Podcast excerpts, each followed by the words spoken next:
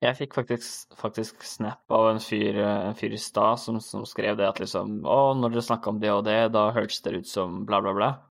Og, og det var veldig eh, spesielt, holdt jeg på å si. Litt gøy. Er det positivt å være bla, bla, bla? Skrev en bla, bla, bla, liksom? Var det, var det bla, bla, bla, eller var det fire? Det kan hende han skrev eh, noe sånt som uh, at vi hørtes ut som Nytt på Nytt. Å ja. Hey! Oh my god. Oh. Oi! Hey! Åh. Fordi det var det jeg tenkte også. Det der kan du ta på to måter, mens dere tar det på den positive måten. Og det er bra. Nei, vi tar det på den veldig positive måten. Her har du tittelen på episoden. Der høres ut som høres, Eller vi høres ut som Ja, høres ut som Nytt på nytt. Bare Nytt på nytt hadde også fungert, da.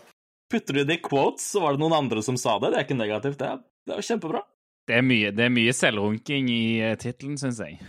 Men fy søren, så deilig. Hvordan tar man det negativt? Hvordan tar man det negativt, Martin? Ja, Nytt på nytt er jo en av de mest liksom, gjennomførte talkshowene i Norge som man liksom har tatt av, er det ikke det? typ? Det er jo prima gullrekka. Det er hele Norges underholdning. Ja, ja, altså, hallo. Fantastisk. Lørdag kveld, taco, Nytt på nytt. ikke sant? Det går vel ikke på lørdag? Går det ikke på fredag? Liker du ikke Bit for bit?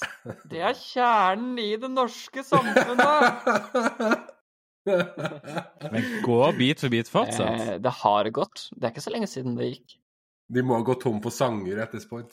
Jeg tror litt av greia er at det har vært litt vanskelig å gjennomføre med, med covid-19. Det er vel Rona. Beat Bit for bit. Ikke tilgjengelig.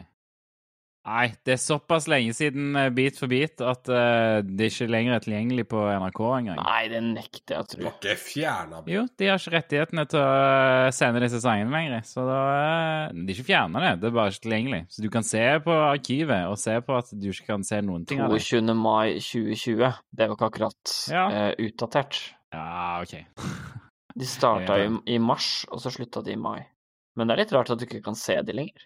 Det var litt spesielt. Men sånn som på Bit for bit her på NRK, så har de sånn tit så har de kapit kapitler under. Sånn som på Bit for bit her. Ja, men de har, kapit de har kapitler under, under episoden der det står alle sangene. Det er jo skikkelig spoiler alert for de som skal inn og se, liksom. Er det sangene du gleder deg til bit for bit, liksom? Å, hvilken sang er det nå? Å, å, det er det nå! Å, det er den! det! Du ser ikke på Du ser ikke, du ser ikke på Beat for beat, og så prøver du ikke å gjette hva sang det skal være. Du det skal jo være med. Jeg, jeg, jeg ser på Beat for beat bare fordi jeg er så imponert over at de som spiller piano der, kan hver eneste jævla sang i hele verden på piano. Og bare liksom prompt up kan spille. De vet jo hva sangene skal være. De Ja, eller ja, jo. Nei, de er jævla flinke. De er det. Altså, ikke ødelegg den illusjonen. Ikke la meg ha det! Ikke ødelegg den nå. Jeg har den. Den julenissen. Nei, jo, men de spiller jo òg Av og til så går de over på sanger som er feil, og da spiller jo de sangene null problem. Jeg, ja, nei, du, du har Nei. et poeng der. Så du sier at wrestling er fake òg, liksom? Hæ? Er det det du prøver å si? Nei, wrestling er ekte. Man kan ikke ta fra Bit for bit at eh, pianistene der er jævlig flinke. Det, det blir jo feil. Men, men, men clouet er at eh, i, i stor grad så vet de hvilke sanger som kommer. Det, ja, ja, absolutt. 100% Sjokk. Den én av ti låter vi så på den lista ja, i stad. Fordi at når de liksom ser på hverandre og, og liksom sånn Ja, du vet hvem jeg tenker på? Ja, ja, den, ja. Mm, ja, jeg vet hvem du tenker på. Ja, Den, ja. ja, den, ja. yes, det er riktig. Den som går sånn dur, dur, dur, dur. Ja, den, ja. Ja, den, ja. Ja, ja, den. Spill den. Ja. Men nå må vi jo kalle episoden Beat for beat. Vi kan ikke kalle Nytt for nytt, da. Ja, gutta, gutta, gutta. Bit for bit. Åh! Åh! Bit for bit. Oh. Oh, nydelig. Chicka-bam-bam, chicka-bam-bam, woo!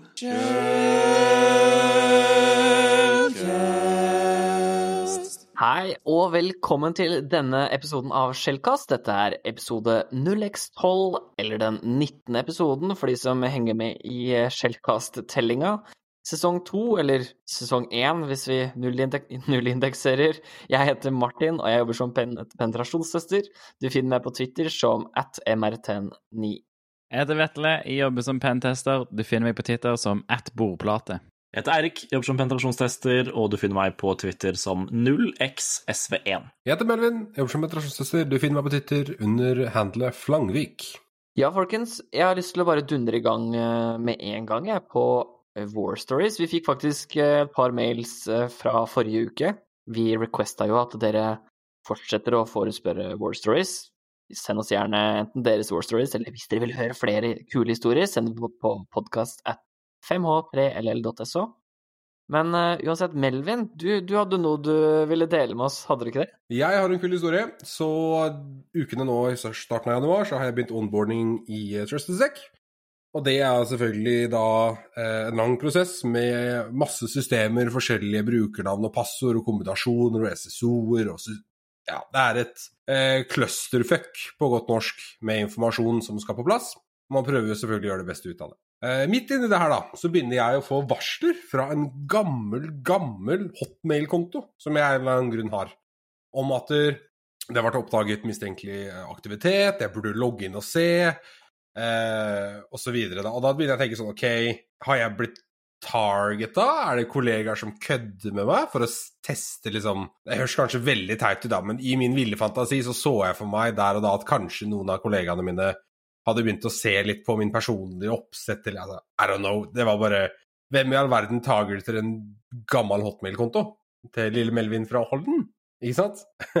Og jeg logger inn og ser at det er login eh, fra noen IP-adresser i Ohio, og da tenker jeg umiddelbart ja, det er jobben som kødder. Uh, en, en, practical joke, eller at de faktisk skal teste at jeg har ting på stell, eller whatever. da. Så jeg går inn, aktiverer tofaktor, bytter passord, eh, signer ut av alle andre eksisterende enheter, slår på tofaktor på legacy-tjenester, sånne app-passord, liksom alt sammen, da for å så skjønne at jeg akkurat har installert og logga på VPN-løsningen deres. Og e-postkontoen min ligger synka på Thunderbird, og derfor har jeg logga inn og trigga alle disse tingene. Men det skal i hvert fall helt sikkert sies at hotmail-kontoen min fra 2007, den er låst ned nå. Den er sikker. Slapp av. Du kan bare sende meg mail på playmelvin at hotmail.com, liksom. Det er bare å bare gunne på. det var ikke Skiddytech-kontoen? Nei, den, den, oh, den, er jo ikke så gammel heller, faktisk. Oh, jeg har så mye kontoer, jeg blir kvalm, faktisk. Det, jeg etter. Ah, det er en clusterfuck. Ja, nei, men da lo jeg ganske godt, da. Jeg husker ikke, Var det deg jeg satt og snakka med, Martin, når det her uh, inntraff? Stemmer det. stemmer Det Det var ganske sent på kvelden nå, så jeg var liksom litt sånn i, i halve etterslepet av koffeinrus. Uh, men, men, ja da, så Ja, det var ikke kollegaer, det var meg selv. oh, funny. Ja, det er faktisk Ja. Nei, men jeg har gjort det samme, jeg òg. Der jeg har uh, vært jævlig forvirra for hvorfor Facebook-kontoen min har blitt logga inn fra en random uh, land eller et eller annet sånt, typ sånn England eller noe sånt. Og så har jeg ikke innsett at det er jeg som sjøl sitter på VPN, som jeg sjøl har satt opp. Det skal jeg faktisk være ærlig og si at jeg har gjort selv. Også når man, eh, når man sitter og lager litt sånn paranoia-browsere med HTTPS everywhere og eh, random user agent eh, changer og sånn, og så plutselig så ser du en eller annen sånn herre ja, login alert. Du har vært på VPN-en og har med random user agent string, og så er det sånn der Det der er faen ikke meg. Logger ut, bytter passord på alt og sånn, og så bare ah, fuck. Det, ja. det der var meg. Random user agent. Men jeg har også opplevd, eh, jeg har også opplevd sånn at når du er på 4G, så blir IP-en din på en måte terminert, mm. eller den public, eller ja, eksterne IP-en din, da. Den er et eller annet sånt sted i Bergen eller noe sånt yes, piss. Samme. Sånn at eh, Instagram og lignende bare skriker i trynet ditt at liksom 'Hvorfor har du logga inn fra Bergen?' Det er sånn Nei, jeg vet, vet da fader hvorfor jeg er her i Bergen. Jeg er ikke i Bergen. Og så er det meg, da. Så ja. Men det er noe av det mest frustrerende å tenke denne kontoen her er sikker. Hva faen, hvem er det som har logga inn? Hvordan skjer dette? Før du innser at det er deg sjøl, da. Begynner du å åpne Task Manager og Outerun, så begynner du å gå gjennom og prøve å finne Trojan. Liksom bare, der sitter der, bare hvor er det? Er det rootkit? Er det firmware patch? Må jeg bytte hovedkortet? Hvor dypt går hullet? Det er liksom en evig spiral. Da. Liksom, er det E-tjenesten som endelig skal ta meg for den der jævla filmen uh, The Hangover som jeg lasta ned for fem år siden, liksom? Nei. Tobias gjorde faktisk Nei, han gjorde det her på jobben her om dagen.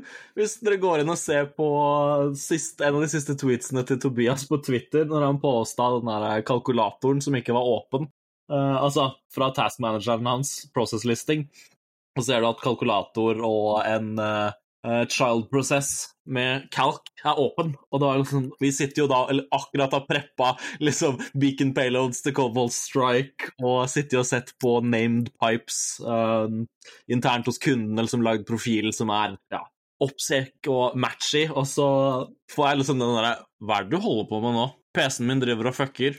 Hva er det du gjør, Erik? Så, så ja, det kan skje alle. Kalkula altså, hvis kalkulatorprosessen åpner kalkulator og runtime broker, så er jeg litt, forvir- litt bekymra. Det var ikke meg, i hvert fall. Ja. Jeg har den der jeg har veldig mange ekstra harddisker i datamaskinen min med mye rart på, ikke sant, fra gammelt av. Og så ligger det jo sikkert masse payloads oppå der da, som jeg har demoa, testa og utvikla. Og så skal jeg åpne et eller annet, så klarer jeg accidentally å klikke på en av de payloadsa som heter sånn ABCD123, ikke sant? For du har gått tom for navn sånn, sånn femte gangen inn i oppfuskeringa når du skal forbi Defender. Og så kjører den, og så forsvinner den, ikke sant? For det er safety. Jeg tenker bare å faen, hva installerte jeg nå? Hvor ender denne tilkoblingen hen? Hvilken prosess er dette? En grunn til at jeg ikke driver med ransomware, holdt jeg på å si, altså at jeg ikke, ikke eksperimenterer med den. Det er grunnen, ja. Ja, ja, ja. Så bra. Det er eneste grunnen, by the way. Ikke, det er ikke noe moralsk der, eller sånt. Det er bare at jeg, jeg kommer til å fucke meg selv, for jeg rekker å fucke noen andre. Det er det som er problemet. Jeg er helt sikker på at det er mange ransomware-utviklere som har av seg sjøl. Garantert. For, forhåpentligvis så, så har de sine egne nøkler, da. At det ikke bare er bullshit. Men, men det verste er at det, det finnes jo veldig mye hashtag dårlig ransomware der ute, som har hardkoda inn kill switches. Så den ser de spesifikke filer på directory og sånn, som da, da skal de ikke kjøre fordi utviklerne er nervøse, sikkert. da. Wanna cry. Ja, det stemmer. Ja, Nei, skal vi gå over til lytterspørsmål. Det kan vi gjøre. Hvis du har et lyttespørsmål, send det gjerne inn på podcast at 5h3ll.so. Vi har faktisk fått et lyttespørsmål eh, foruten de som sendte inn og forespurte War Stories. Det er jo da en eh, anonym eh, person som spør hva er deres favorittverktøy i en pentest. Vet ikke om det er noen som har lyst til å starte på den, ja. Jeg kan hoppe inn på den, jeg. Eh, tar Ja, utgangspunkt i at det er en innsidetest. Jeg tenker eh, du kan få lov til å velge, tenker jeg. Eh, nei, eh, skal jeg være så kjedelig og bare klinke til min packet, liksom, da?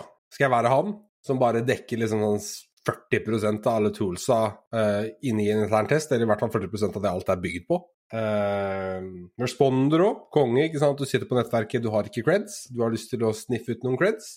Fyre opp responder. Eh, noen fyrer av en land som ikke eksisterer. Du pikker den opp, og så får du noe du kan cracke. Det er god verktøy, det, altså. Hva, Impa jeg har ikke brukt Impacket. Hva, jeg trodde det var Python-pakke Skal du si. Det er det jo, men de har jo en del sånne eksempler. Eh, blant annet Å, gud. Nå må jeg søke opp, jeg tør ikke å si noe engang.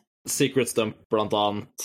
Uh, fle- eh, SMB Server og alle disse. Ja, der. Brukes i veldig mange av eh, Eller brukes i masse andre interne rammeverk og sånn, som det er basert på. Get Uspress Spenn for å hente spenn-kontoer som du kan bruke videre til curbroasting. Eh, jeg bare går over noen her nå.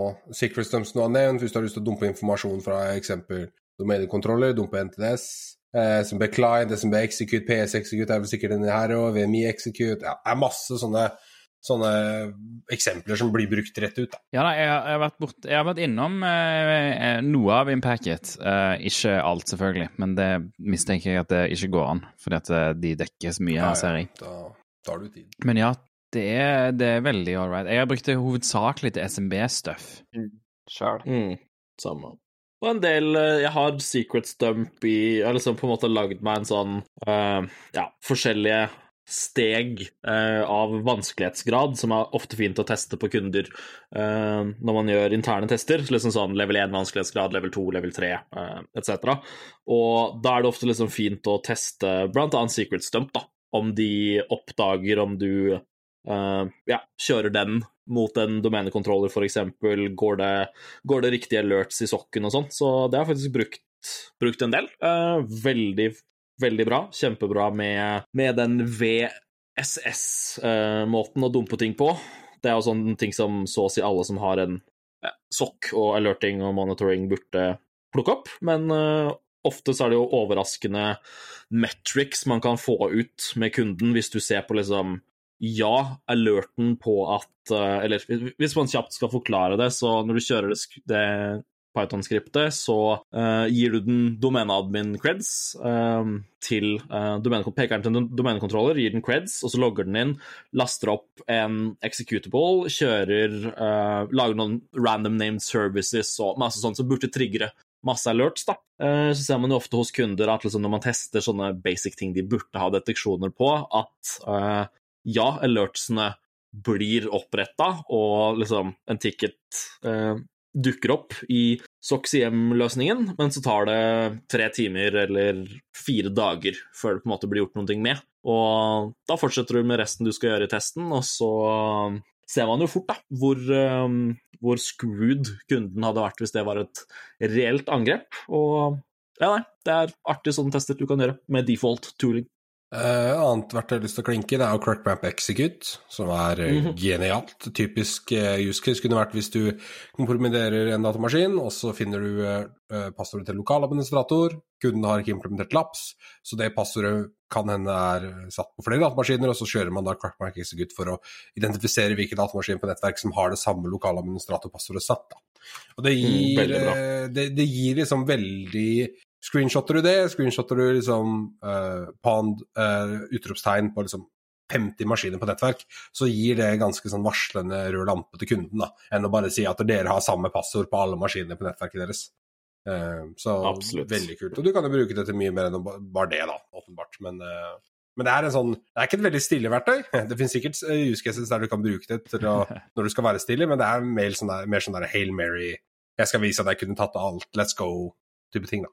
Mm. Men, men, igjen, da, veldig liksom, bra verktøy for å Altså, hvis du ikke har en så veldig moden kunde, så er det jo som vi har snakket om før, det er liksom ikke så vits å drive og burne uh, helt uh, ja, custom stuff på de.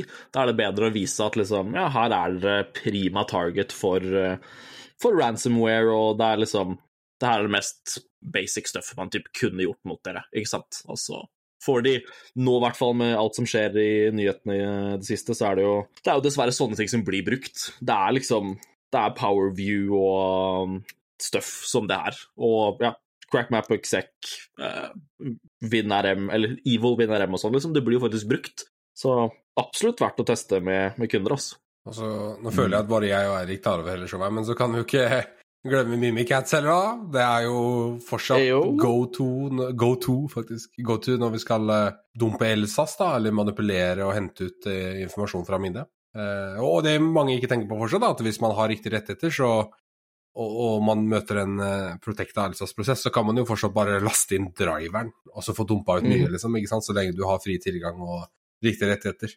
Men uh, Mimikatz er fortsatt kjemperelevant til tross for uh, Windows sine mange, mange implementasjoner av eh, beskytta prosesser og whatnot. Og blir jo kontinuerlig oppdatert hele tiden. Det er jo sånn Infosex pågående meme med, med cat and mouse mellom Benjamin Delphi og, eh, og Microsoft. Og så kan jo, kan jo Mimicat brukes til så mye mer også. Du har jo DC-synk-muligheter, og liksom Du ser alltid at Ja, uansett om Wind, altså Microsoft teknisk sett har patcha gitte sårbarheter for lenge siden, så kommer fortsatt et default AD-domene med masse ting som Mimikats plukker opp, ikke sant. Altså ikke, ikke passord med, med LSAS, ting som lages i klartekst. Ja, list goes on, liksom. Kan du nevne da Chrome cookies og login-data, for eksempel, som er kryptert med DPAPI, som man kan da dekrypte med Mimikats, mm. Eh, blant annet, da. Så da er det jo verdt å nevne at det finnes mange avarter av Mimikats, altså da det jo vel en Python-integrasjon og, og, litt sånt nå også, som på en måte gjør mye det samme. Så, så man må ikke alltid droppe nøyaktig Mimikats, men altså at man på en måte prøver å hente creds fra, fra minnet, da, i stor grad, er jo populært. Uh, siden det er en pentest som er nevnt her, da, så har jeg lyst til å, lyst til å skyte, inn, uh, skyte, inn, Bloodhound. Mm. Uh, så for de, for de, som ikke er kjent med det, så som en vanlig bruker i AD, så har du mulighet til å hente alle andre brukere og grupper og, og på rettigheter på maskiner og sånt. Og Bloodhound tar denne dataen, og så grafer det opp i sånn GUI, basically en, en graf som forteller deg om, om brukere du har tilgang til, har, mu, har en mulig path til eh, domainadmin, for eksempel, eller eh, hva er det de kaller det? Eh, high value targets. Mm. Så, for det fins flere, flere, grupper i AD, default-grupper i AD, som på en måte er same same as som domenadmin, da, uten at det nødvendigvis er domenadmin. Så, så Bloodhound er jo Ja, det støyer jo da, eller støyer og støyer, men det lager jo en del lyd. Eh, så de fleste burde jo oppdage det, egentlig, men uh, Kan det også fine-tunes ganske godt for å, for å ikke bli så, så oppdaga. Så mange muligheter med det. Så noisy, ja. Mm. Ja, Bloodhound gir deg, gir deg Det er nesten gratis uh, å, å, bare se på det og se hva du, hva du må gjøre videre. Absolutt. Altså, jeg skjønner ikke hvorfor ikke Blue Team er mer på å bruke Bloodhound. Altså, det har jo fått på en måte Red Team, like ikke Red Team, fått på en måte den røde offensive stempelet, på en måte. Men verktøyet er jo, er jo mest, skal man si det, det, er jo mest brukbart for de som driver med, med uh, altså på den blå siden. Helt klart. helt klart. Så. Jeg har hørt om Blue Team bruker, eller forsvarssiden bruker Bloodhound òg som et sånn indikativt ja, ja. Uh, verktøy for mm. å se se hvordan det ligger an. Men jeg tror an andelen pentestere er større enn Blue Team-folk som bruker det, liksom.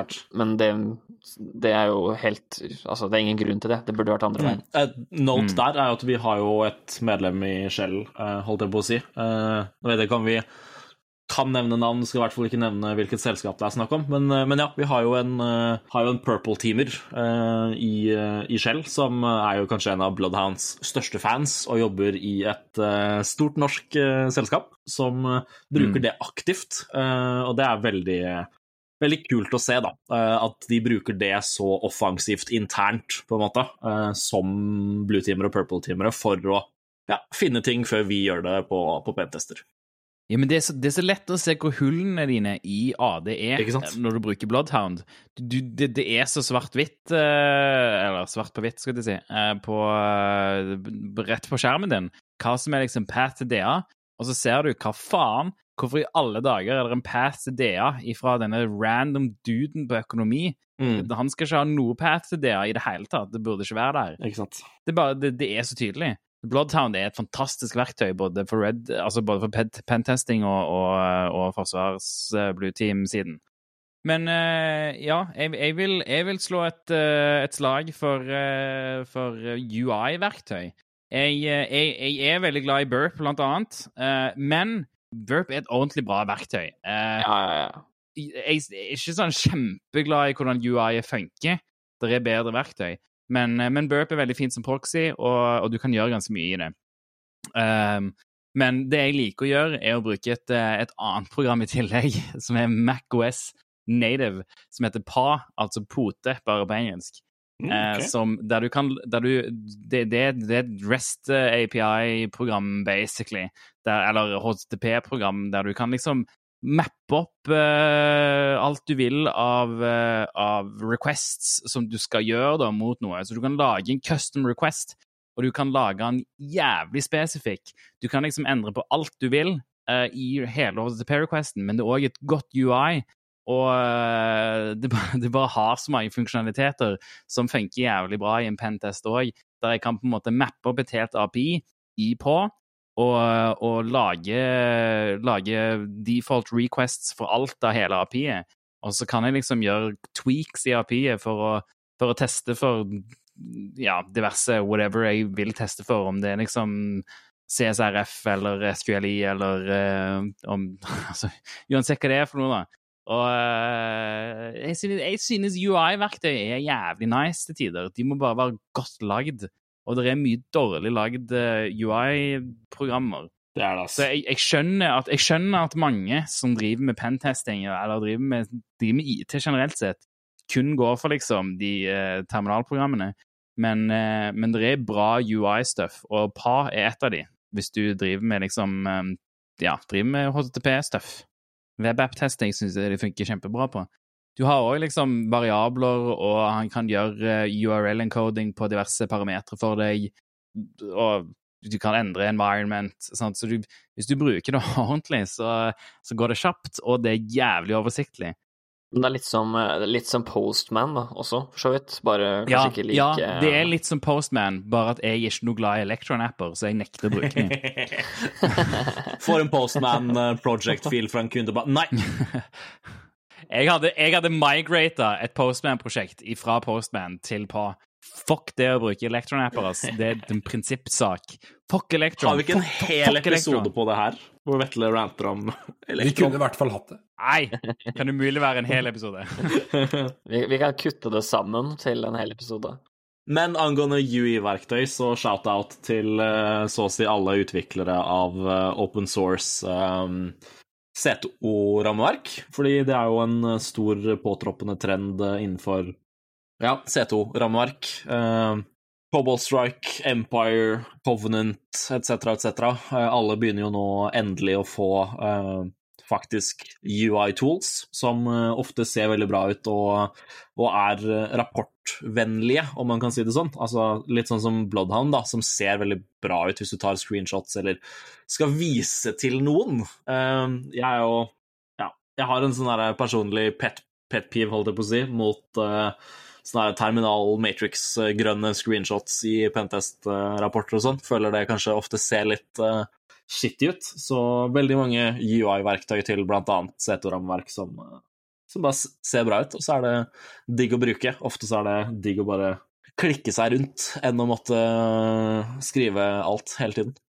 Jeg skal bare shoute inn at jeg er Mm, egentlig ikke enig, da. Men, uh, men, men vi trenger ikke å ta det. Men i hvert fall, hvis du er på, hvis du er på jakt etter å sjekke ut et bra C2-rammeverk, så vil jeg anbefale Porsche C2.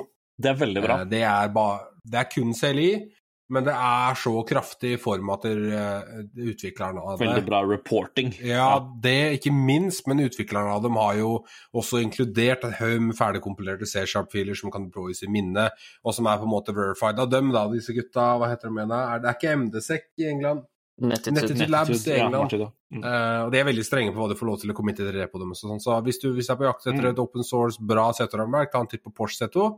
Uh, for er, vi vet jo veldig godt at det er ikke alle som kan justify kjøpe Cobalt Strike-lisens. Nei, absolutt ikke. Det Ja.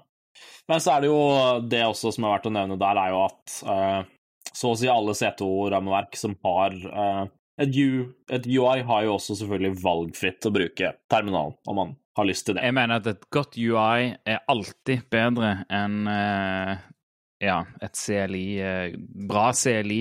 Altså, god UI er alltid bedre enn bra CLI.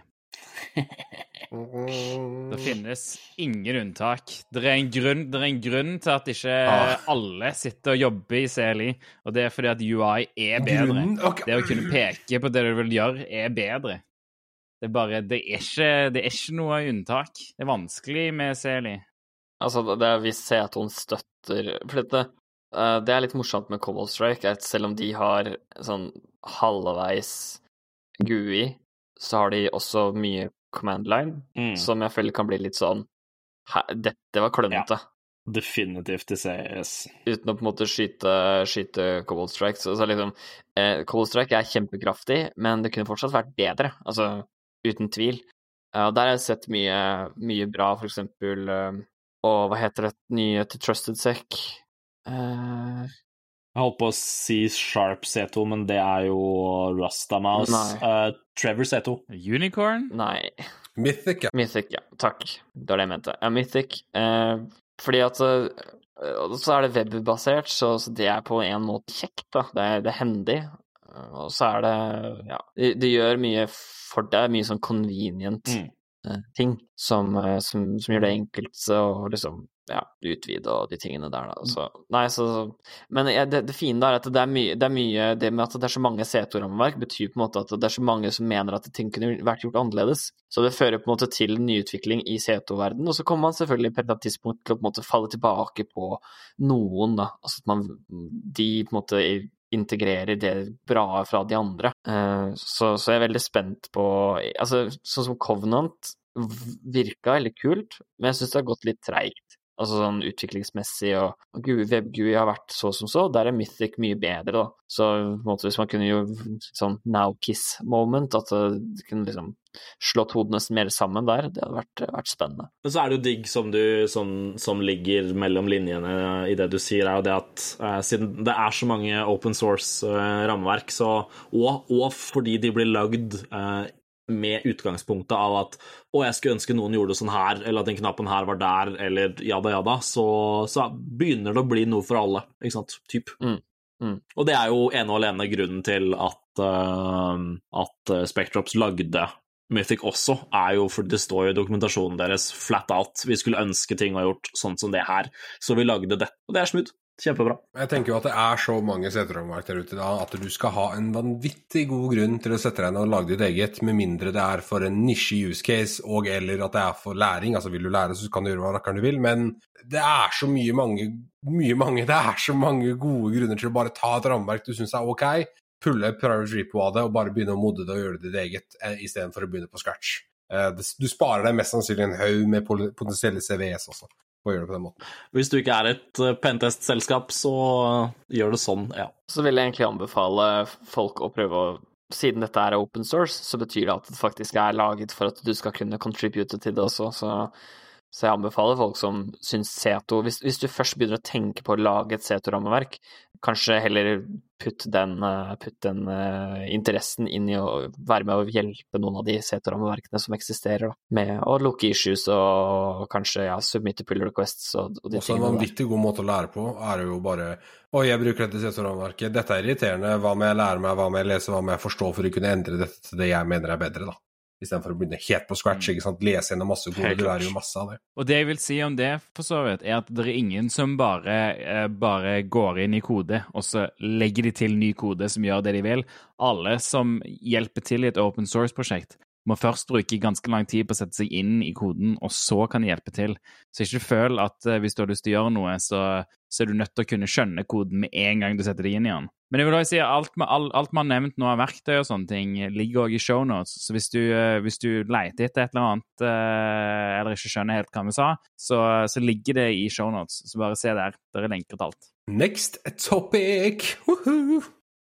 Ok, men eh, vi går over til nyheter. Uh, så vi starter med, vi starter med en nyhet som knytter, knytter sammen litt uh, flere av nyhetene vi kommer til å snakke om. Og det er at uh, politiet går ut og sier at det har vært tre alvorlige dataangrep den siste måneden. Nasjonalt krim, cyberkrimsenter ved Kripos maner til forebygging. Så de egentlig, det politiet slash Kripos prøver å si, er at uh, fucken gå og forebygg uh, sikkerhet, uh, sikkerhetsstuff. Gjør det ordentlig, ikke bare tenk at nei, det rammer ikke oss. Fiks sikkerheten din, og hvis du vet at du har sikkerhetshull, fiks de, for faen. Altså, de går litt nærme mikrofonen, og så hvisker de, eller de hvisker egentlig inn i øret til folk, altså. Fuckings fiks det. Bare skjerp dere, liksom. Fuckings fiks det. Ja, fiks det. Ja. Nei, jeg syns det er kult at vi har kommet Og vi har snakket litt om det her tidligere på podkasten, og vi har snakket om Stortinget og sånn, um, men jeg syns det er veldig kult at vi har kommet såpass langt i Norge at vi nå i det hele tatt begynner å få liksom, ja, nasjonale cyberkrimsentre og, og sånn, men det at du faktisk kan gå inn på politiet.no og finne ganske, ganske solide tips og triks til å fikse sikkerheten i bedriften din. Um, det sier ganske mye om, uh, om uh, klima rundt cybersikkerhet om dagen, men også ja, typ hvor langt vi har kommet. da. Jeg syns det er fett at uh, de gjør det. Så shout-out til Kripos og NC3 for det. Nei, de kommer jo med også ganske helt nederst der, eh, altså faktisk på politiet.no, da, så er det liksom noen du, du, har noen du har noen actionable ting du kan gjøre hvis du sitter der og er liksom Kjell Hermansen i eh, Hermansen rørlegger AS, og dere bruker eh, Microsoft 365, liksom, så det er veldig enkelt for mange av de folka her å bare aktivere totrinns eh, bekreftelse, gå gjennom den IKT-sikkerhetstiltak-lista, liksom. Altså, ja. Det er jo det der som er synderen i så å si alle de angrepene vi har sett de siste ukene, eller det siste året. Så ja, do it. Jeg tenker Hvis vi snakker litt om det angrepet Vi trenger ikke å gå dypt inn i det nå, men dette mot eh, Var det ikke lakseoppdrett? Uh, Aqua Group. Ja. Ja, Aquagroup. Det er en sånn type industri som du Det er ikke det første du tenker på når du tenker industrier som er utsatt for cyberangrep. Det er jo ikke det. Det er jo liksom eh, jeg, Når jeg tenker altså, Åpenbart så er de utsatt for cyberangrep, men det er liksom um, Fiskeindustrien, liksom. Hvilken angriper er det som går inn og liksom uh, Norwegian Fishing Company. Og så det, men, men ja, de også, og sånn som du snakker om, og de mindre også må uh, ta ansvar. Og det er veldig bra at det finnes informasjon der ute som kan hjelpe de, uten å måtte binde seg til en konsulentavtale med et eller annet gigantisk selskap på flere hundre tusen. At det finnes en mellomting. Jeg tror Aqua Group er et uh, veldig klart eksempel på at det skjer mot alle. uh, eller skjer med alle. Og selvfølgelig, man kan dra liksom eh, man kan dra Altså sånn som vi snakket om forrige uke, med, med Ticketmaster, som hadde gjort uh, corporate espionage og sånn. Man kan selvfølgelig alltid dra den, uh, men de aller fleste sånne her, spesielt løspengevirusangrepene, er rett og slett bare du har stått i en eller annen liste som folk har funnet, uh, passordet til Altså, ja, vi regner med at Aqua Group har brukt 365, ikke sant, og Asher, uh, så har det vært noen creds der. De password spray mot portalen, det funker. Å, shit, du kom inn. Uh, det er alle under én kam, ikke sant. Og så tar de bare de selskapene som Ja, de finner de folk creds til. Og hvis du har den standard uh, Asher AD password policyen som er liksom løkke 78, så blir du jo screwed. Det er som du sier, mest sannsynlig bare helt vilkårlig. Eh, det er det som er så utrolig skummelt, for da er ingen eh, sikra, eller ingen er utafor scope, da. Eh, altså, men, men, det er jo på en måte De har jo Én ting er jo at de kompromitterer noe, eller noen. Men så har jo de tilfellene der, så er det jo kryptert, altså ERP-system, eller produ produksjonsdata, da, som, som, de kaller det. Så det er, jo, det er jo gjort en innsats foruten bare å komme inn. Så det er jo mm, litt interessant, da. Men klasse, det er jo sikkert altså de har spraya på en eller annen måte, og så har de funnet et eller annet sted en eller annen bruker som de da sjekker litt nøyere. Eh, og det er sikkert det samme som egentlig har skjedd med, med Østre Toten også, som vi kommer tilbake til uh, nå rett etterpå. Men uh, ja, nei, det, det, er interessant. Det er sånn Fordi du har litt lavthengende frukt, så blir du automatisk på en måte et target. Du, folk automatisk begynner å se på deg bare fordi at du på en måte har fucka opp på én liten ting, da. Så, så det, det, sier om, uh, det, sier noe om, hvor interessert kriminelle er i, i å liksom virkelig gå rundt og bare ransomware hardt, da. For å spille på den Østre Toten uh, som du nevnte der, så hvis man går på digg.no og titter på artikkelen 'Advarer om destruktivt angrep mot kommune', alt innhold skal være kryptert og alle sikkerhetskopier sletta. Uh, som du nevner, eller som dere nevnte der, med liksom at man finner credentials, man logger inn etc., så har de faktisk, eh, hvis man leser den der kartlagt-seksjonen, så skriver de jo flat out hva som har skjedd. Um, og litt lenger opp så står det at de har brukt um, faktisk Mimikats, som vi nevnte tidligere. Så det er liksom her, har, her, skriver de jo akkurat hva som har skjedd, som er veldig kult. Uh, det står liksom ja, angriperen har kommet seg inn i nettverket, og de har gjort uh, lateral movement. Uh, de har observert bruk av Mimikats for å hente ut passord. De vet at de har forsøkt å dumpe passorddatabaser, åpenbart som de har fått tilgang til. Den ikke navngitte trusselaktøren har da kartlagt nettverket videre, og det som er kult her, er jo at litt Altså, dette her er veldig tydelig hva som har skjedd, på en måte, hvis man jobber med pentesting, for her har de jo uh, skrudd antivirusløsninger, uh, lagt inn uh, group policies, de har lagt inn whitelisting av exe-filer. De har brukt Det står bruk av flere PowerShell-scripts for å kartlegge og automatisere. Det hører man jo med en gang, ikke sant. Det er PowerView og alle tingene der. Og så har de beveget seg lateralt ved hjelp av P6-sekk. Og det er jo, sånn som vi nevnte i stad, det er liksom de basic verktøyene som faktisk funker da, ute hos kunder. Det er veldig etter boken. Jeg, uh, det er play by play, ass. Det er, ja, det er play by play. Og jeg leser også stikkeren nede at det står sånn uh, Ingen av de 1300 ansatte i kommunen får brukt datasystemene. Altså, det er uh, Ja. Det, hvis, det har, hvis, det ikke har, gått opp for noe før nå, så er det katastrofalt, i hvert fall. Eh, ordføreren opplyser til Oppland Arbeiderblad at kommunens datasystemer er angrepet av høykompetente IT-eksperter. Eh, og bare sånn for å sette det litt på spissen, så gjorde jeg nå et søk på, eh, på domenet til eh, Østre Toten for å kartlegge hvor mye eventuelt informasjon som ligger ute i form av data breaches. Fikk rundt 100 tilbake. Mye av disse datadumpene er relativt ferske, dvs. Si at de Eh, ikke er navngitt, det er bare, står liksom bare OD eller Breach Compilation. Mm. Så det er, det er, eh, det er for så vidt riktig at det er IT-eksperter, da, men, men har, har ingen utsidetesta Toten kommune før, da? Østre Toten? Det er jo i seg selv også et veldig sånn interessant ting med det kommunale, og det som uh, det som politiet og Kripos og NSM sånn har pusha i det siste, er jo det at det har blitt en veldig det har blitt en debatt rundt det om at man burde ha Altså, alt det her burde sentraliseres, ikke sant, eh, på en eller annen måte. At de har rammeverk, eh, at de får guidance fra staten, hvordan de skal sikre seg og sånn. Fordi jeg skal love deg å No trash til noen som jobber i Østre Toten kommune, eller eh, hva slags MSSSP de har, men jeg skal love dere at de har ikke budsjettet til å kjøre noe særlig mye utsidetester og sånn, ass. Tror, Og her er det garantert Citrix-portaler uten MFA, det er VPN fra hjemmekontor. Her er det liksom ja, nesten så basic AD Forest du får satt opp. Eh, jeg tenker at i bunn og grunn så er det mest sannsynlig ikke Østre Toten sin feil. Uh, Nei, nei, altså- altså- overhodet ikke. Sånn, men ikke, at, ikke at du fronter det sånn, men jeg tror det er veldig mange eh, som tar det for gitt når man har en eller annen form for eh, leverandør på IT-systemene sine, at det er noe som følger med. At IT-leverandøren? Ja, ja. liksom ut av bordet har ansvar for all sikkerhet, punktum. Uh, mm. Og det er ikke casen overhodet. Jeg har vært med på Nei, flere penetrasjonstester der hvor det har vært små til mellomstore til noen ganger store IT-leverandører for selskapene som har bæsja fint på leggen på veldig mye av kritiske Absolutt. sikkerhetspunkter. Uh, Absolutt. Altså, nå skal vi ikke gå rundt grøten på det at eh, til syvende og sist så er det organisasjonen sitt ansvar at eh, IT-sikkerheten er opprettholdt.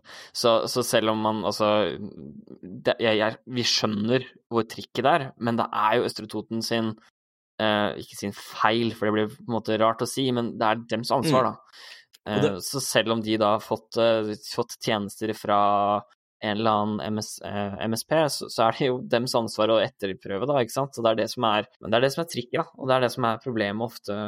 Og det er jo det som er på en måte Det som er liksom det interessante her, og som er hele disku, det diskusjonen bunner i, er jo det at som en kommune, som en del av liksom ja, kritisk infrastruktur, det er snakk om sykehus, det er snakk om legekontorer, det er snakk om ja, masse arbeidsplasser, alt det kommunale ikke sant, i kommunen. Eh, det burde være en eller annen ja, nå, nå, Vi har jo kommunesert, det er kjempebra, det, det har kommet og sånn, men det burde også være på en måte Ja, det har akkurat ikke sant? kommet. Ja, det har akkurat kommet, men eh, det burde være liksom et felles rammeverk da, for også de små kommunene som de blir tatt under vingen til og kan få konsultasjon som er liksom fra staten, så vi har den samme sikkerheten overalt, mener jeg i hvert fall. Altså, jeg, jeg, har, jeg har et god sånn startup-idé på, på dette her. Eh, kall det en slags advokattjeneste for, for IT og IT-sikkerhet. Hvor, eh, hvor et selskap eller en kommune hyrer deg inn for å sitte i møte med MS, MSP-en og sånt, og MSSP for den saks skyld, og stille de kritiske spørsmålene som kommunen ikke vet at de bør stille. Eller kommunen eller eh, selskap.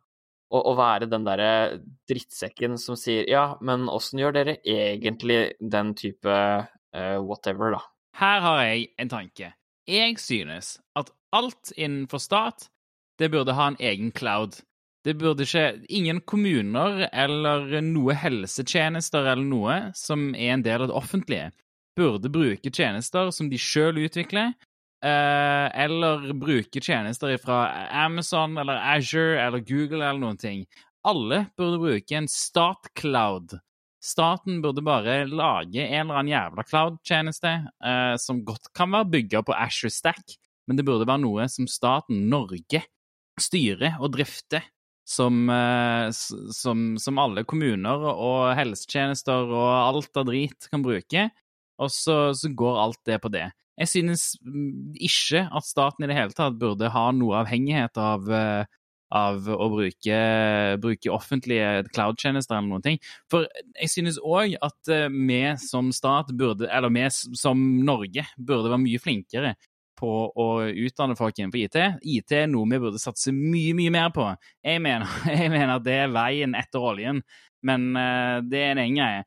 Men og, og, og det å bare lage en egen cloud for staten, føler jeg at det er, er starten her. At vi blir gode på det, og så styres alt det gjennom at uh, Norge har sin egen Norge bare styrer det, og så er det null stress. For nå driver folk i diverse kommuner og fylkeskommuner og bare lager random shit som de sitter på. Alle skal drive og styre det, og alle må lage sitt eget. Ikke sant? Men det var jo poenget mitt i stad også, ikke sant? Det at det burde være et Ja. felles rammeverk for alle sammen. Ja, det, det, ingen burde sitte og lage Altså, at kommunene sitter og lager ting fra scratch At hver og en av kommunene har folk som sitter og lager egne ting fra scratch. Det er helt latterlig. Og, og det gjør òg at det er vanskelig for eh, Det gjør det helt sikkert vanskeligere for E-tjenesten òg, skulle du si NSM, mener jeg, å gjøre monitorering og, og, og gjøre det de har lyst til å gjøre for å, for å beskytte Norge. sant? Mm. Jeg, jeg, jeg synes det er så latterlig at alle har bare fått fri, frie tøyler til å gjøre hva faen de vil i fylkeskommuner og kommuner. Det burde ikke være sånn i det hele tatt. Jeg slår, jeg slår i hvert fall et eh, Altså som et plaster på såret der, da, Vetle, så har du i hvert fall interkommunale samarbeid på IT og sånt. Eh, Og det er jo mye bedre. Altså at du har et, et område som på en måte får, får fellestjenester internt, eller fellestjenester fra et samarbeid da, mellom kommuner. Nei, det er åpenbart at de klarer ikke dette. De, de får det ikke til. Så de får ikke lov. Ja, nei, men altså når du har, når du har budsjett fra, fra fire relativt greie kommuner i størrelse, da, så hjelper det bedre enn at fire små IT-avdelinger skal sitte på hver sin tue. Ja, det er bedre. det er bedre. Så, så, så det, det er selvfølgelig bedre, det er ikke optimalt, men, men jeg, jeg har mer tro på interkommunale samarbeid mer enn dagens modell, da, med at de er igjen sitter på hver sin tue. og så ja, vi kan godt snakke, snakke liksom en type cloud.gov-løsning, men problemet er at det kommer ikke til å bli brukt. Jeg- jeg- Eller, nei, OK.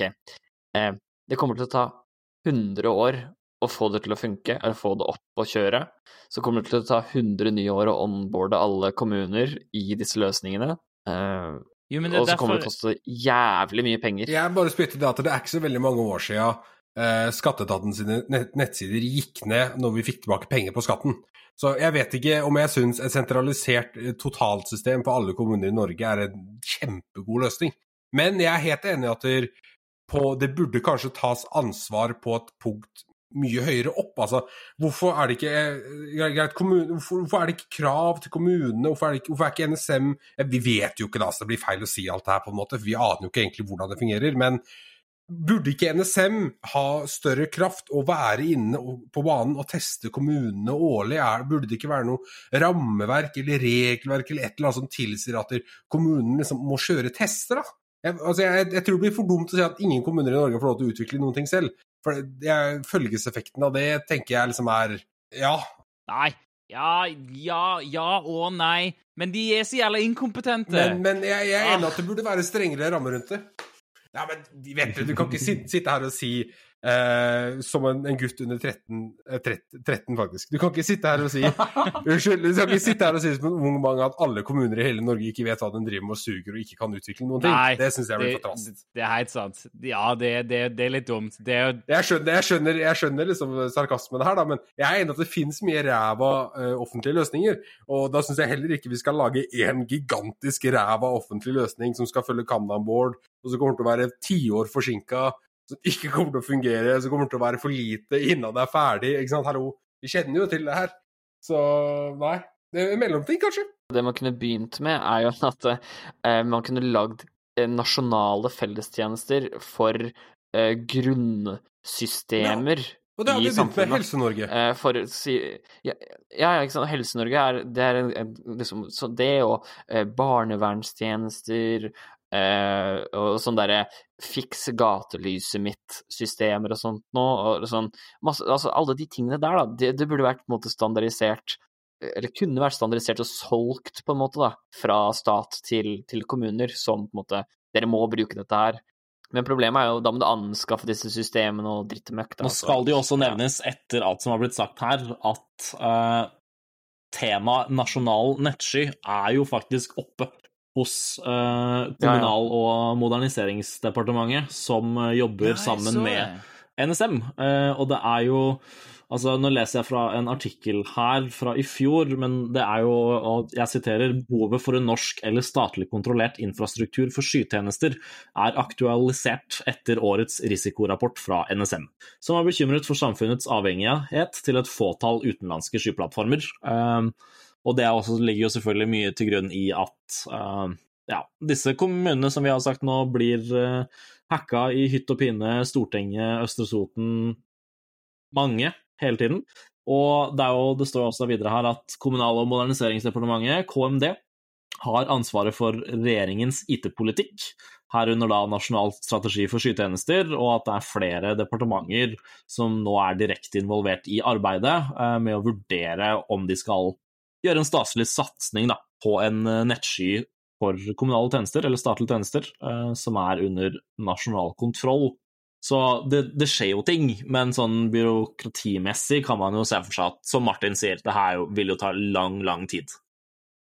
Altså, jeg, jeg, mener at man må tenke litt agilt på dette her. Du må ha et uh, minimum viable product som du starter med, om det er måte, noe Helse-Norge gjør eller lignende. Da. Så må man på en måte ta eierskap til at uh, vi skal lage på en måte standard programvaren som blir brukt i kommunene, sånn at det er lett å flytte, for eksempel. Hvis du flytter kommune, så er dataene dine med deg, fordi at de er i det systemet. Um, Eh, sånne syke ting som når, når, vi var gravide her hjemme, så, så, får du et sånn fysisk ark med liksom gravidkort. Som, som du må, må, krysse av på liksom sånn Ja, nå veier ungen Eller er ungen så stor, og, og så må du følge en kurve og sånt noe. På, på et jævla A4-ark som du må ta med deg hver eneste gang. Altså at sånne systemer bare ikke er sånn at de på sykehuset da kan dra opp det ikke sant, og si ja, det ser ut som babyen har vokst fint, og ja, men da, da, tenker vi sånn og sånn. Altså, hvorfor kan du ikke gjøre det? Nei da, du må huske et jævla A4-ark hver gang du skal på kontroll. Så det er sånn det, det, er så, det, er så, mye som er papirbasert i, i, samfunnet vårt, som er sånn Hvorfor i helvete er ikke dette her bak en eller annen eh, Altinn-portal eller et eller annet sånt noe? Det er jo så åpenbart. Det hadde vært så enkelt. Men altså, man kunne tatt de der, der, de små winsa, og så kunne man bygd det her opp til, eh, kall det en, en, offentlig sky, da, men at du har, du har skyplattformer eller løsninger da, som du tilbyr rundt til kommunene. Og da, da slipper du å drite deg ut på at du skal bygge liksom Amazon først, og så skal du begynne å onboarde kommuner, og så ja, drit og møkk, da. Det, som sagt, det kommer til å ta 200 år før man er at man har en offentlig, offentlig sky, på en måte, som alle bruker. Ja, men det, det der jeg tenker at eh, man kan bruke type Asher Stack. Asher Stack er en lokal um, måte der du kan ha liksom, du kan ha dine egne servere i din egen rack, men det funker for oss med Asher.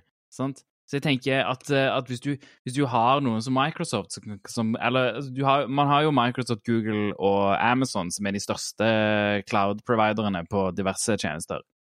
Så hvis de, hvis de, kan komme på anbud og si vi kan levere lokale tjenester for dere, som dere kan, eh, som, som dere kan styre sjøl, og dere kan maintaine det, så føler jeg det er, en, det er en god måte å gjøre det på. Der, der, de leverer softwaren, de leverer det, men det er fortsatt, det er fortsatt styrt av lokale folk i Norge. Det er fortsatt, det hostes i Norge, det sitter i Norge, det styres av, eh, av staten men software-stacken i seg sjøl kan styres av noen andre, der oppdateringene kommer fra Microsoft eller Google, Google eller, eller, Amazon. sant? Det er allerede en løsning der du kan putte Asher i din egen server-rack. Så jeg føler det, det, er et potensial for en god løsning, føler jeg. da. Jeg tenker at vi, vi vet egentlig litt for lite om det her.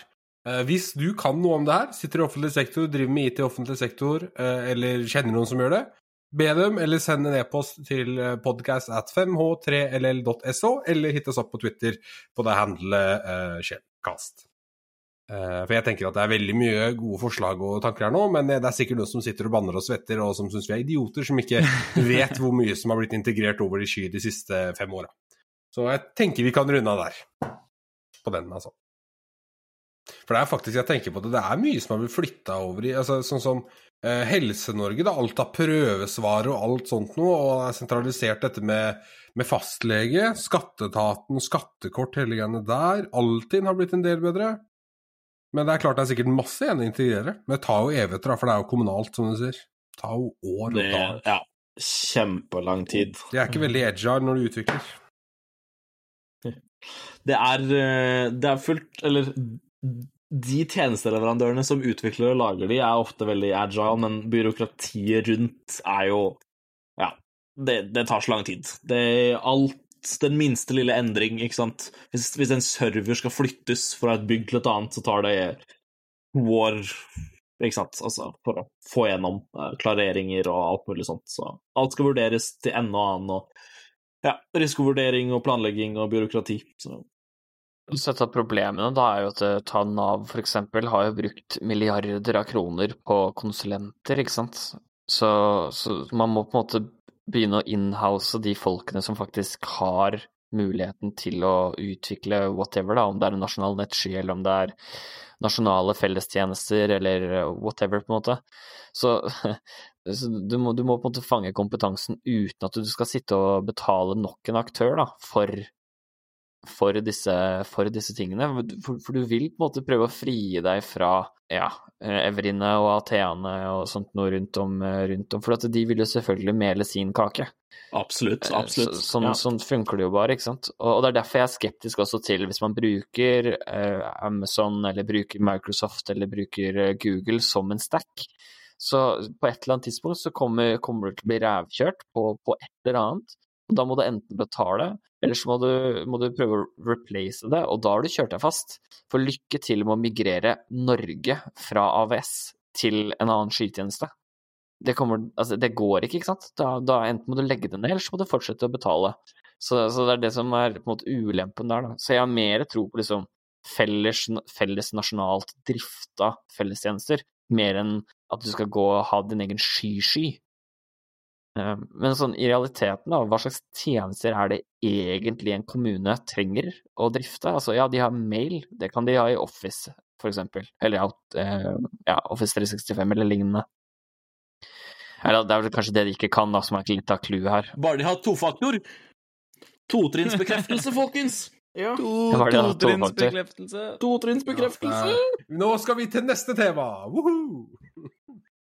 Ja, nei, som du sier, neste tema. Det er jo noen uh, folk da, som har claimet at det er de som står bak Solar Leaks.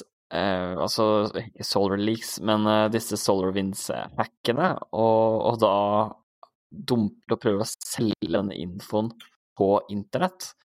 Og nå får ikke jeg lasta den sida, får dere det? Nede. And it's gone. Den er borte. Er den faktisk det? Den var eh, oppe for seriøst en halvtime siden, liksom? Ja, det er borte. Solix.net? Ja, det skal. Uh, den uh, Ja, nei, han svarer ikke på ping i det hele tatt.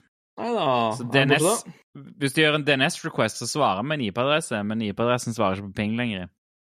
Uh, hosting har tatt ned, da, sikkert. Ja, sikkert.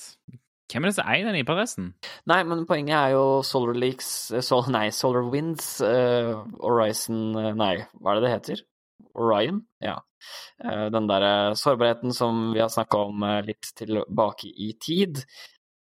Eller sårbarhet. Det var vel en sårbarhet også. Både sårbarhet og, og Datainnbrudd. Ja, ja datainnbruddene. Ja, takk. Vi, vi, vi, vi, stopper der. Alle vet hva vi snakker om.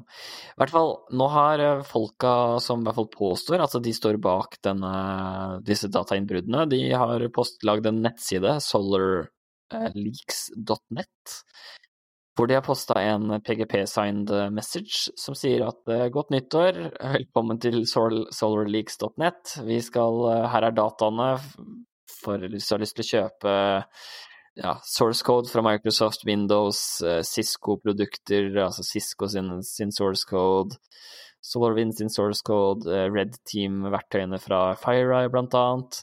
Ja, litt sånn forskjellig, så, så, kan du kjøpe det til en nettesum av mellom 600 000 og 50 000 uh, amerikanske riksdaler. via, via Bitcoin, så vidt jeg har skjønt. Jeg vil bare si det da at uh, FireEye sine private tools er mye mindre verdt enn alt annet der. Så det er helt klart et stikk til FireEye. 50 riksdaler. Nei, 50 000 riksdaler. Ja. Den serveren som var, den IP-adressen som den peker, uh, solarleaks.net peker til, er i Malmö, for, forresten. Ja. ja, men den er ikke hosta av uh, Njalla, da, sånn som domenet er? Jo, njalla.net. Ja, stemmer. Det er en sånn uh, hosting- og domeneprovider som, eh, som gir deg liksom full anonymity. Det er en proxy når du kjøper eh, domener, basically. Aha. Bulletproof hosting. Tydeligvis ikke bulletproof, da, men Det er ingen sånne tjenester som er det, men eh, ja. Det er sant. Men i hvert fall, der hvis du har Du kan også kjøpe all leaked data for én eh, million eh, amerikanske dollar inn, pluss bonus, står det. Så du får med en ekstra liten sånn plastikkleke hvis, hvis, du kjøper alt i en go. I Happy Mealen din? Mom, get the credit card! Eh, så nei, altså Eller hvis du har lyst til å prøve å knekke de eh, zip-filene, så må du jo også prøve deg på det. Selv om de, sk- de skriver at 'data is encrypted with strong, strong key'. Hvis noen klarer å cracke det noen, altså Tidsmessig så skal vel ikke det være umulig? Hva er raten på en zip-fil? Det kommer litt an på hvilken type som er brukt. Kommer helt an på passordet, men Det er jo en uh, tar, tar G-set Mm. Ja, nei, det er Ja, det, er, det vet jeg jo da, men liksom hvor mange per second får du på en zip-fil? Uh, ja. Nei, godt spørsmål. Det kommer an på, sånn som alt annet i IT-sikkerhetsverden. Det er vanskelig, for du, du har òg noen known data i disse filene, så du kan òg gjerne bruke det til å dekryptere. Eh, ja, har du Ja, navnet tenker du på, da, eller? Du vet at Microsoft-teksten er inne et sted? My, Ja, for eksempel, Microsoft vet jo hva slags data som er der. Sånn. Med mindre de har salta zip-filen sin, liksom. Eh, jeg regner vel med at på et eller annet Mm. tidspunkt, hvis man har en supercomputer, så går det an å cracke det her.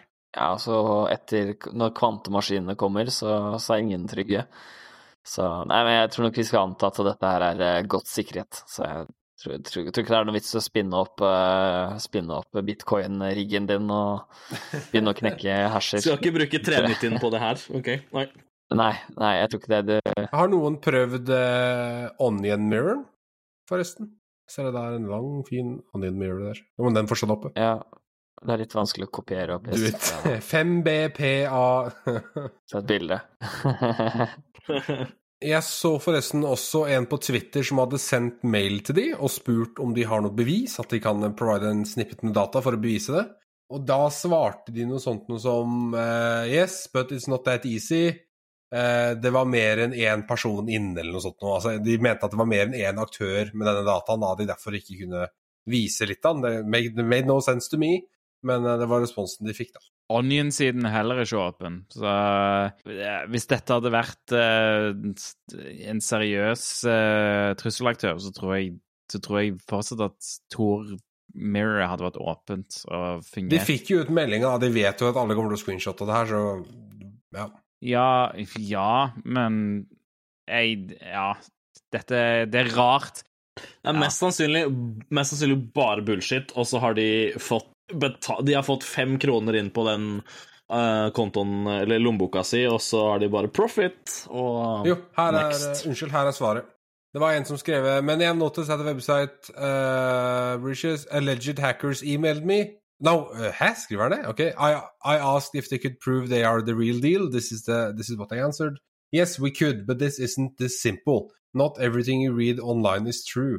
Many intrusions inside SolarWinds, we were one of them. Mm. Så jeg vet ikke hva det skal bety, men uh, det var iallfall responsen en eller annen på Twitter fikk da, når han sendte e-post til disse gutta. Ja, Microsoft nevnte på et punkt at, eh, at de så at det var flere som hadde, som hadde bakdør i SolarWinds. Så det er nok det de refererer til. Men, men eh, det, virker, det virker mer som løgn for meg enn det Ja, virker som noe seriøst. Ja. Hvis Onion-siden blir tatt ned sammen med Claire's, eh, Claire Web-siden, så føler jeg at eh, det er noen som ikke bryr seg så mye. For da har de brukt Da er da Onion-siden bare et mirror av den Nialla VPS-serveren de har satt opp. Og det tror jeg ikke type FancyBear ville ha gjort. Jeg tror de ville ha hosta Onion-siden på et annet sted som var separat, og som ikke var åpenbart uh, samme server. da. Her er det jo åpenbart at Njalla har tatt ned uh, VPS-en, og så har Clearsight-serveren gått ned, og det samme gjør Onion-serveren, fordi at det er samme server. Og hvorfor i alle dager skal du hoste Onion Mirror på samme server hvis du tror at Clearsight-serveren din kan bli tatt ned? Det lukter ikke APT, i hvert fall. Det gjør det ikke. Nei, det gjør det ikke. Nei, men, altså, men de har jo signa det med PGP-nøkkel, så det er jo bare å vente og se. Når det dukker opp igjen på nytt, så er det jo lett å verifisere om det her er samme folka eller ikke. Mm. Hvis de kommer med sånn uh, we, are, we are very angry, solar leaks or Njala take us down, så, så vet man jo vet man jo ikke. Det, men det er interessant. For det jeg tenker med APT-er og penger, er at jeg altså, det er litt sånn som eh, WannaCry ble jo attribuert til Nord-Korea. Og, og, og, de, og, det er åpenbart at de på et eller annet vis gjerne ønsker å tjene noe penger. Jeg, jeg har tenkt i mitt hode at de, at de har ønska å skaffe seg penger til sin, sin avdeling i Nord-Korea, og at det er grunnen til at de lagde WannaCry og, og, sånt noe. For det virker ikke som, jeg, som det er en logisk grunn til hvorfor de skulle lage et ransomware som var wide scale. Så så her òg jeg at, eh, at det, det, kan være logisk at en APT-gruppe ønsker å tjene penger på, eh, på, sin nefarious activity på internett, og at det er grunnen til at de har lyst til å selge type Microsoft uh, Windows-kildekoder. Absolutt, og det var litt det den spøken min i stad var basert på også, at det er fullt mulig de bare har fått betalt fra, fra noen, og så har de bare Fuck, noen betalte. Shit, det her var lættis, og så har de bare tatt det ned, liksom. Riktig. Det, det er jo veldig Hashtag, tenker jeg veldig hashtag profit, liksom. Ja. ja. Men altså, det som er sånn som Hvis du Ok, kildekoden til SolarWinds, da. Kildekoden til Cisco-produkter, ja ja, I guess det kanskje er av interesse for noen, liksom, men, men sånn altså, Ja, nei, det er jo sikkert noen som mener at det er verdt jævlig mye penger, da, men jeg, jeg, jeg skjønner ikke helt eh, vi vet jo i hermetegn mye av hva som ligger i Red Team-verktøyene til FireEye, for eksempel. Det er, det er, reuse av offentlig tilgjengelige verktøy. Det er ikke så mye, det er ikke så mye fancy nytt. Altså, det er ikke Zero Days, det er i hvert fall det de mente. Så, så liksom verdien av den der er jo egentlig Altså at den er verdt 50 000 uh, USD? Nei, altså jeg, jeg, Hvem er det de tror at skal kjøpe, da? Hvis de, vil, hvis de, faktisk vil at folk skal kjøpe, så burde de jo faktisk hatt en pris som, som noen kunne tenkt ja ja, fuck it, vi prøver. Det tenker jeg, men den jeg ser her som har verdi, er vel eh, Microsoft. Altså, se for deg så mange sårbarhets... Eller så mange potensielle sårbarheter et research-team med tilgang til Microsoft-kildekoden kan finne. Uh, i, i, diverse, altså ikke bare nødvendigvis altså Windows, men liksom andre ting, da. Så den, ja. Ja, ja men, men det, er fe, det, er fem millioner kroner. Men sidetrack på det, da, er jo at det kan være verdt det for andre APT-grupper, eller rett og slett altså, god gammeldags kriminelle som holder på med ordentlig cybercrime, liksom. Eh, det kan være verdt det for de å kjøpe sånne tools, hvis de ikke har på en måte research-budsjettet, da. Hvor mye var det vi Jeg har sett masse sånne approximations på hvor mye ransomware kosta noen i fjor. Altså, Hvis vi ser på det kontra disse prisene, så er det kanskje ikke så utenomjordisk, ikke sant? For det er jo huge business. Ja, ikke sant? Så kanskje det her ikke er så unormalt. Ja, det var noe 1,2 milliarder ikke sant? på ransomware tjent opp. Hvis du må ut med, ut med 500 000 norske da, for å tjene 5 millioner Obvious business, eller 50, ikke sant? Altså. Jeg tror ikke Jeg, tror, jeg vil ikke tro at, eh, at, kildekoden til Windows er verdt så mye penger over bare det å, se på assemblyen du får uh, av, uh, av, å se på DLL-er. Kast inn i AIDA, så har du liksom så har du mye av det du trenger allerede. Og jeg tror ikke kildekoden hjelper de som er seriøse researchere og eller ABT-er, for så vidt. Jeg tror ikke fem millioner er altså det, det, er ikke verdt det. Hva om det er uh, kildekoden til deler av Office-plattformen? da, Skyløsningen, liksom? Se for deg hvis du hadde funnet en RCTD. Altså, jeg bare jeg trenger... Skyløsningen er noe det... annet. Det hadde vært interesting å se på. Vi vet jo ikke hva det er, ikke sant? så det, det trenger ikke ikke være Windows. Det trenger ikke være noe vi har tilgang til. Men, men de, sk de, skriver jo Microsoft Windows partial source code. Så, men altså, poenget er at eh, vi, vi snakka jo akkurat om hva det er ransomware-aktører bruker. De gjenbruker passord. De gidder ikke betale fem millioner norske kroner for partial kildekode i Windows, for det gir dem ikke en dritt, ikke sant? Og for alt vi vet, så er det ikke sikkert de kan, altså veit hvordan du skriver C engang. Fordi de gjenbruker uh, jalla ting fra, fra GitHub. Altså, liksom, jeg, altså, jeg, jeg, ser ikke hvorfor noen skal gidde å betale uh, fem mil for Windows kildekode. Ja, jeg, jeg, klarer i hvert fall ikke å peke ut hvem jeg mener som skulle gjort det nå. Det, det er jeg enig i. Uh, og som du sier, de, de selskapene ransomware-aktører vil inn i, er jo de som har dårlig passord. For hvis de ikke er MFA enabla og du har dårlig passord, så vet de mest sannsynlig at de klarer å bli DA på innsida òg, ikke sant? Uh, så ja, nei, jeg vet ikke. Det, det, er veldig interessant. Jeg kan se for meg at folk ville betalt for, uh, for de toolsene fra FireEye, men ingen, ingenting annet. Det, alt andre der er så latterlig overpriced at ja, nei. Ja, nei, jeg er helt enig, og selv, men selv når vi da vet da, at FireEye-verktøyene er egentlig bare rehash av offentlig tilgjengelig verktøy med noe attåt. Så er selv liksom da, ja, hva blir det, 40, ja, 400 000 kroner eller sånt nå? Det, ja, det veit jeg ikke om det er verdt, ass. For binaries som det er offentlige signaturer for. Liksom? Det er Liksom. mye penger, men det er jo huge eh, possibility for return, holdt jeg på å si, for kriminelle som ikke har muligheten til å, til å lage sånne ting selv, da. Altså, jeg tror den her er mer aktuell enn altså for ransomware-folk. Definitivt, definitivt, enn ja, ja. Microsoft-kildekoden, Absolutt. eller Cisco-kildekoden, da, for den saks skyld. Altså, hvem er det som har lyst til å se på Cisco-kildekode, liksom? Da vil du deg selv vondt. En ting som er veldig interessant, er at vi ser ingenting om kundedata til FireEye, for eksempel. Da. Det er jo Det burde, det burde i mine øyne være en potensiell gullgruve, og det er jo det som har vært spekulert i at FireEye som fint bare liksom har kasta inn på sida, og så fokusert på verktøyene sine, fokusert på alt annet, og liksom Nei, ikke tenk på kundedataen vår. Vi har sikkert ikke en SharePoint med alle rapporter vi noen gang har levert for alle våre eh, både statlige og offentlige kunder. Tenk ikke på det, ikke sant? Eh, så hvor, hvor er disse PDF-ene? ja, sånn sett så samsvarer jo denne, denne ransom-noten her, da, hvis man kan kalle det det, samsvarer jo på en måte med det som er offentlig info, da.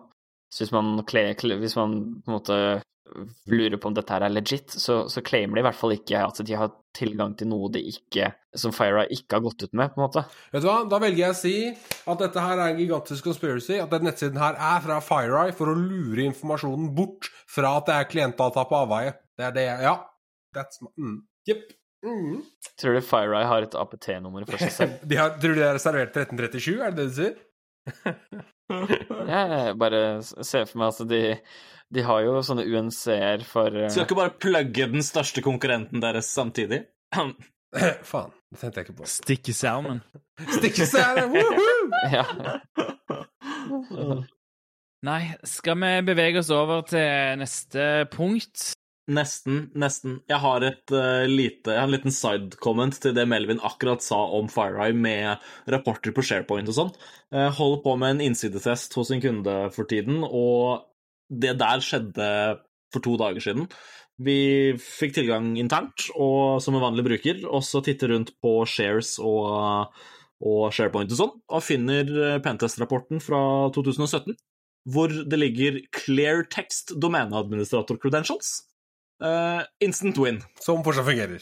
som fortsatt fungerte. Så ikke, ikke gjør det, da. Vi leste jo selvfølgelig gjennom rapporten og humrer her og bare Det her er jo fuckings stupid, for å si det på den måten. Men eh, Og så da at en av eh, recommendations var selvfølgelig å liksom limite servicekontoer, bytte passord, passe på at de ikke har spins eller spens på seg, passe på at de ikke kan logge inn på subnets de ikke, skal, ikke kan eller skal, og limit liksom interactive login med RDP og sånn. Det eneste de hadde gjort, var å limite RDP. Kontoen fungerte fortsatt, samme passord som i 2017. Klartekst i rapporten. Alle i hele selskapet hadde tilgang til den rapporten. Men da må jeg nesten spørre, var det en bra rapport? Sånn, kunne du ha levert den rapporten?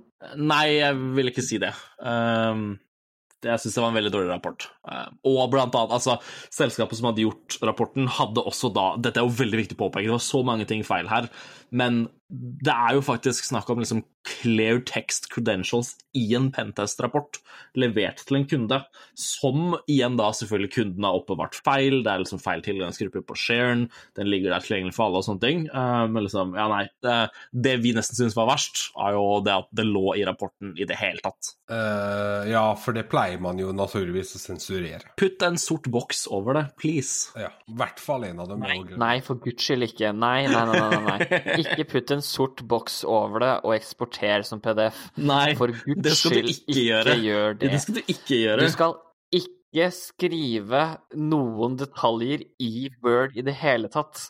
Fordi at det, Hvis du er så idiot at du legger en boks over og tror at det, da er den sensurert, da fortjener du ikke å jobbe med okay, Martin, Martin, da! Martin, da. Man skriver bare delvis passordet, og de som vet De vet. Dette var, Det skal nevnes at dette var et screenshot med passordet i klartekst. Et ikke-sensurert okay. screenshot i rapporten med passordet. Enda dummere er man når man gjør det i en powerpoint-presentasjon på en konferanse, kobler den i, resolusjonen forandrer seg, og alle de sensurerte boksene Wow, wow, wow. som skulle dekke opp CVE-en sin som var rapportert, som man ikke skulle komme ut med, forsvinner! Nå føler jeg meg truffet. Ja, for, the record, altså. det har Vetle gjort, hvis noen lurte. Nei, det ville jeg aldri ha gjort. Det, det er det dummeste jeg har hørt. Det ligger på YouTube. det er det verste. Det ligger faktisk på YouTube. Det gjør ja. det. Det var den uh, dagen. B-sides 2019. Shout out. Wow, wow. Vi, vi legger link til den Ja, i det må vi jo nå! Det må vi jo faktisk nå. Sånn.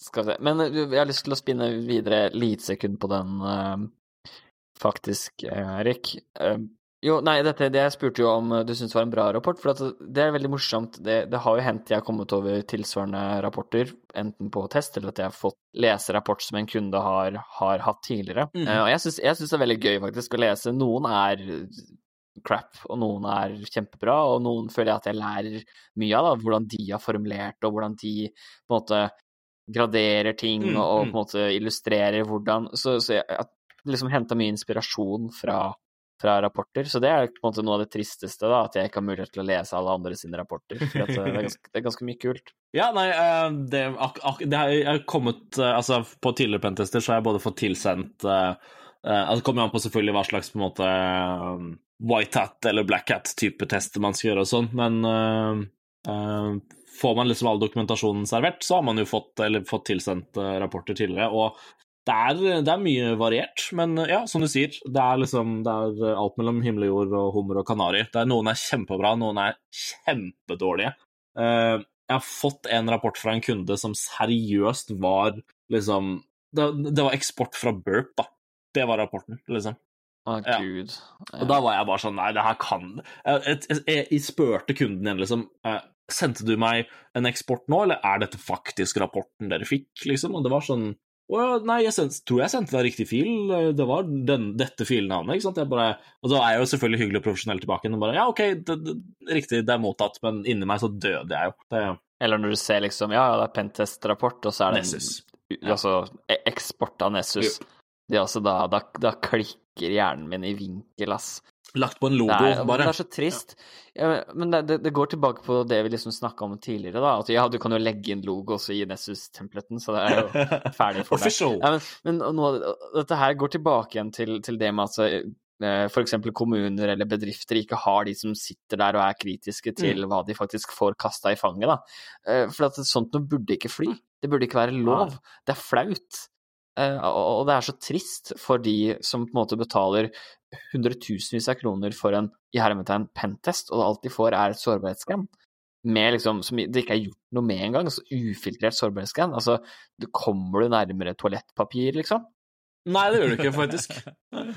Så nei. Nei, det er bedre at Jeg vil heller tørke meg i ræva med godt dopapir enn en uh, dårlig pentest. Det er helt enig. Der har du tittelen! Der har du tittelen. Ja. Det er episodenavn.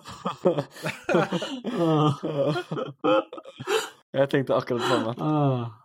Ja, det er eh, Jo, det var det jeg skulle si. At det, jeg, jeg sitter nå og leser meg opp på alle Red Team Engagements-rapporten og, og Pentrocess-rapportene til TrustedSec for å liksom sette meg inn i hvordan de gjør ting. Eh, og gud, det er så mye jeg har lyst til å dele med dere, men jeg kan ikke! Det er så mye kult! Eh, og det er det man lærer mest av, å bare se liksom hvordan noen andre sin fra bunnen-approach er da, til, til en challenge. Men det syns jeg er smart, at du, at du nå går inn og ser på ting som er fra før du begynte. For at, eh, det, det opplevde jeg med, med noen som begynte hos oss òg, at de var inn, og så gikk de og så på alt som var liksom, av tidligere rapporter og sånne ting. Det er en utrolig smart måte å starte på, hvis du ikke helt vet Helt hvordan du, skal, hvordan du skal starte en ny bedrift.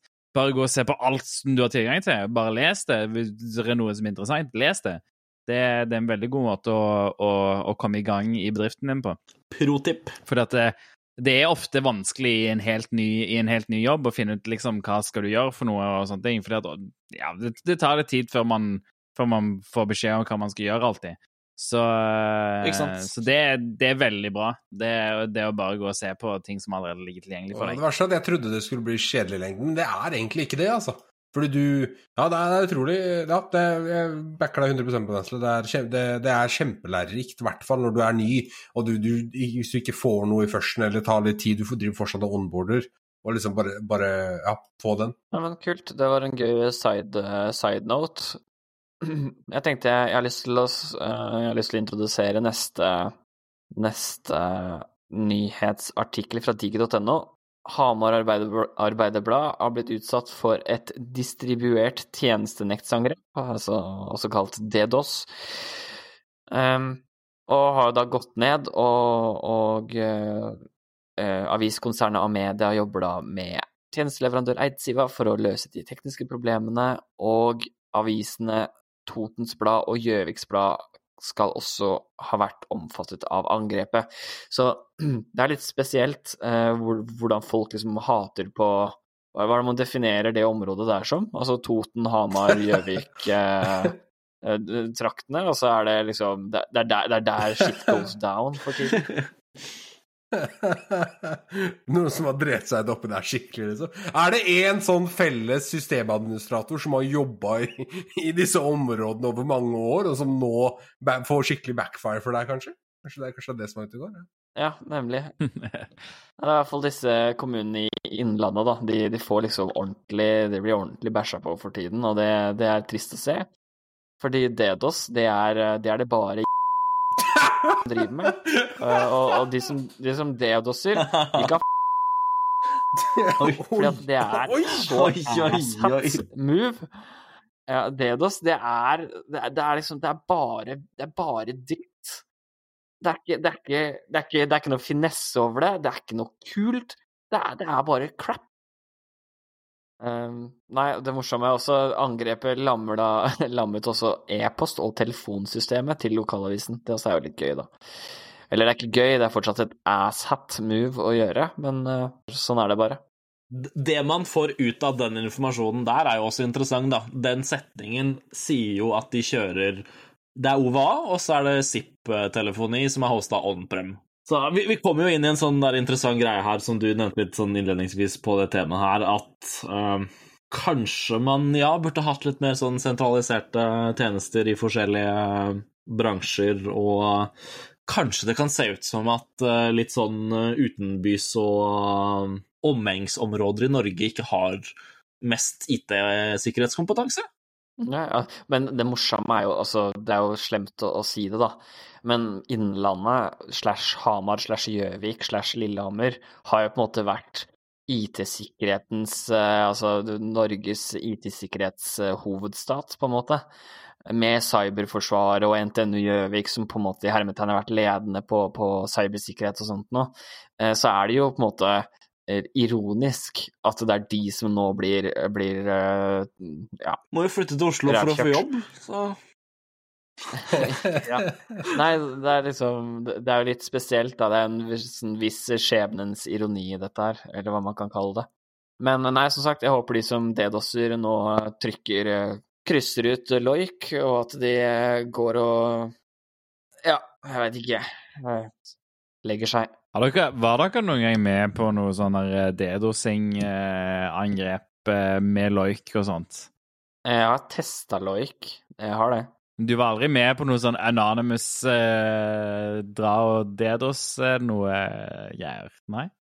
Nei, gjorde ikke det. Eh, Men én ting er politisk motivert. eh, Altså, de som fortjener det, de fortjener det. Men uh, uten, at jeg, uten at jeg sier at kriminalitet er greit, altså. Men, eh, men en jævla lokalavis, altså, kom igjen.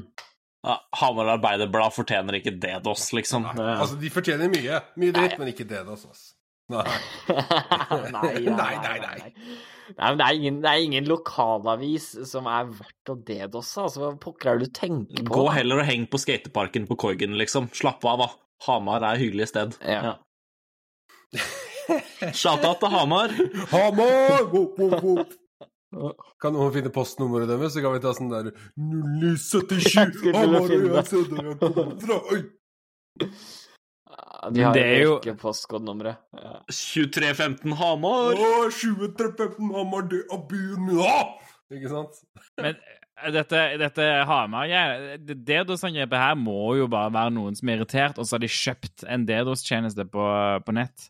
For det er jo ikke dyrt heller å kjøpe DDoS-tjenester, så vidt det er m- meg bekjent. Nei, altså det er sikkert en eller annen student da på, på, på NTNU Gjøvik som sier «Haha, Vi tar ned Hamar Arbeiderblad. Jævlig fett. Hvis du hører på den podkasten her, så håper jeg du sletter podkastappen din, og så hører du ikke på podkasten igjen. Takk. Der, der, der, der mista vi en lytter. Tipper det er noen fra Stange som kjeda seg en fredagskveld.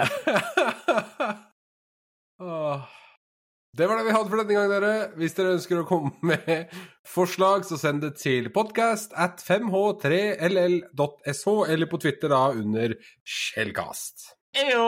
Vi snakkes!